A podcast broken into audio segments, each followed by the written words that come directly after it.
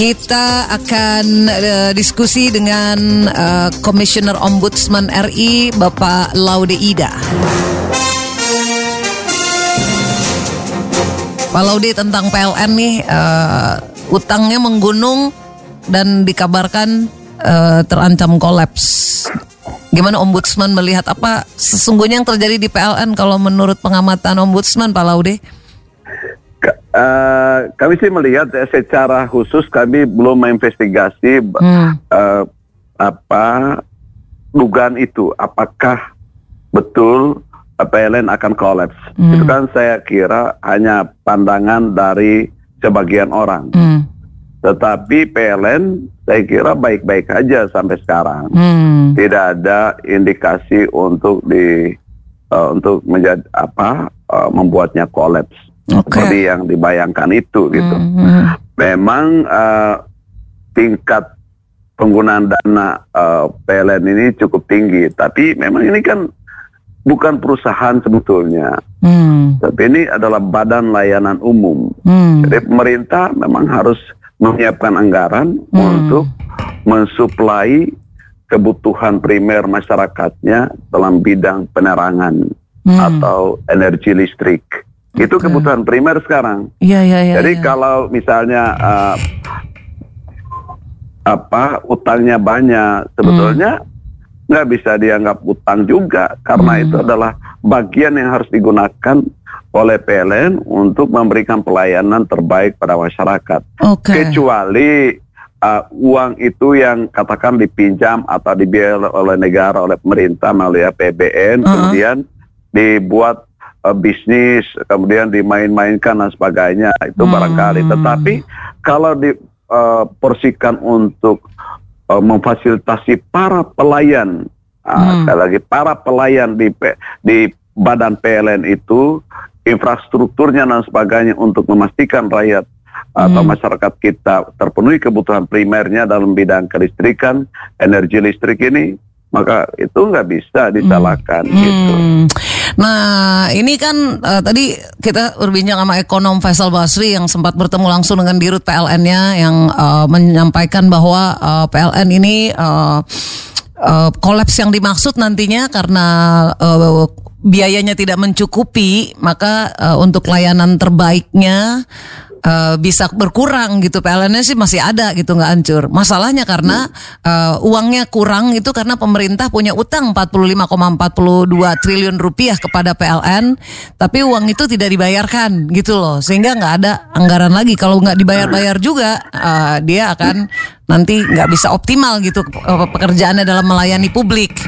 Nah itu kan berarti kan per, uh, pertama gini. Uh, PLN ini ini kan direkt dirutnya sekarang bangkir lagi kan hmm. dari uh, uh, alumni perbankan lah dari uh, mantan dirut Bank Mandiri. Zulkifli. Jadi kalkulasinya uang-uang uh. terus itu yang pertama. Uh. Yang itu tidak boleh. Hmm. Itulah harusnya PLN harus dipimpin oleh seorang teknis uh, yang ahli bidang di bidang kayak tenaga listrikan. Hmm. Nah ini uh, fenomenanya atau faktanya dalam dua periode terakhir hmm. uh, itu mulai dari Faisal Bas apa namanya Pak Sofian Basir sama hmm. sampai sekarang itu semua dari alumni perbankan itu kira-kira okay. ya. Yang kedua, oh.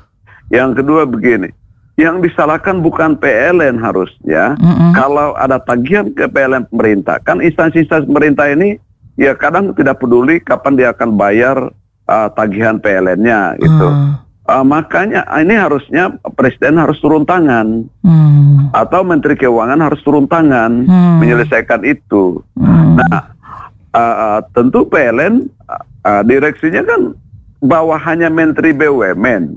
Hmm. Itu jadi karena direksinya bawahan menteri, uh, menteri BUMN, hmm. mereka nggak bisa berbuat banyak. Hmm. Harusnya DPR yang membantu penyelesaian masalah ini uh, sehingga utang hmm. pemerintah ke PLN bisa terbayarkan sekitar 40-an hmm. uh, triliun itu gitu. Iya, iya, iya, Jadi iya. Sekali lagi ini bukan kesalahan PLN, hmm. tapi uh, pemerintah. Nah, pemerintah ini kan yang harus mendikte dia sebetulnya. Hmm. Pemerintah di bawah presiden yang harus mendikte adalah presiden sendiri hmm. atau uh, meminta DPR untuk bersuara menyampaikan ini loh masalah yang hmm. harus diselesaikan sekarang.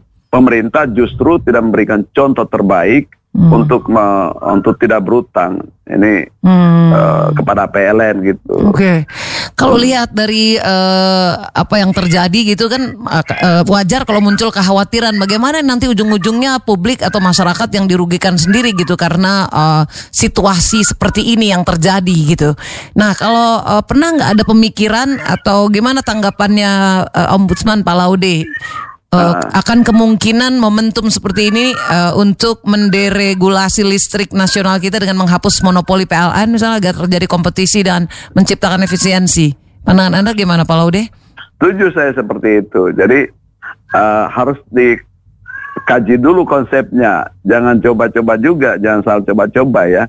Nah, uh, memang secara teoritik monopoli tidak menimbulkan sesuatu yang uh, lebih baik gitu. Karena apa apalagi monopoli dalam bidang pelayanan kelistrikan, dia seenaknya aja kan hmm. me, me, dia layak melayaninya seperti apa karena tidak ada pesaingnya. Hmm. Persaingan harusnya uh, menimbulkan pelayanan yang lebih baik itu. Hmm. Artinya persaingan di antara pelayan hmm. uh, akan menimbulkan akan melahirkan pelayanan uh, pelayanan yang terbaik hmm. karena mereka bersaing. Hmm. Siapa yang memberikan pelayanan terbaik, mereka lah yang akan hmm. memperoleh uh, apa manfaat. Hmm. nah sekarang uh, kalau sekarang ini monopoli PLN memang sejak awal sejak dulu dikritik, hmm. tetapi uh, konsep untuk memastikan bahwa keluar dari monopoli untuk menghadirkan pihak swasta memberikan pelayanan saya kira itu juga belum uh, belum bisa ditunjukkan secara baik gitu. Hmm. Makanya tunjukkan dulu konsepnya, hmm. bukan saja berangkat dari teori ya. Hmm. Teori bahwa persaingan itu akan melahirkan yang terbaik, pelayanan terbaik dan sebagainya. Hmm. Bukan saya berangkat dari teori itu, tapi juga uh, pastikan ada konsepnya dulu berkunjung buat pilot project. Hmm. Pilot project itu yang dijadikan uji coba satu dua proyek oh ternyata oh ternyata pelayanan di daerah di Semarang misalnya mm. atau di Balikpapan atau di Samarinda atau di Jakarta oh ternyata jauh lebih baik itu mm. ah, baru kemudian dikembangkan jadi mm. uh, tidak serta merta deregulasi memastikan oh semua terbuka mm. uh, mereka-mereka yang mau bermain mm. atau mau berbisnis di bidang PLN mm. Nah di bidang kelistrikan itu uh, masuklah. Hmm. Tidak seperti itu, tapi hmm. by step by step, step mulai by dari step. konsepnya hmm. yang harus didiskusikan secara matang, hmm. kemudian uh, pilot project yang harus hmm. dipastikan bahwa uh, oh ternyata ada kelebihan kekurangannya, hmm. kemudian kekurangannya di coba di, di uh, minimalisir kemudian kelebihannya hmm. ditingkatkan sehingga menimbulkan terbaik yang terbaik hmm. pelayanannya gitu. Jika nanti terjadi persaingan dengan pihak swasta gitu misalnya Pak Laude, mm, hmm. maka bagaimana cara pemerintah dalam menjaga fungsi public service obligation ya? Uh, persaingan dengan swasta gini, uh, swasta kan memberikan pelayanan, memberikan pelayanan atas mandat dari pemerintah. Hmm. Ya, jadi mereka memberikan pelayanan kelistrikan misalnya nanti mm. itu diatur oleh pemerintah mm. sehingga tidak bisa sewenang-wenang tidak bisa sembarangan mm. juga. Oke. Okay.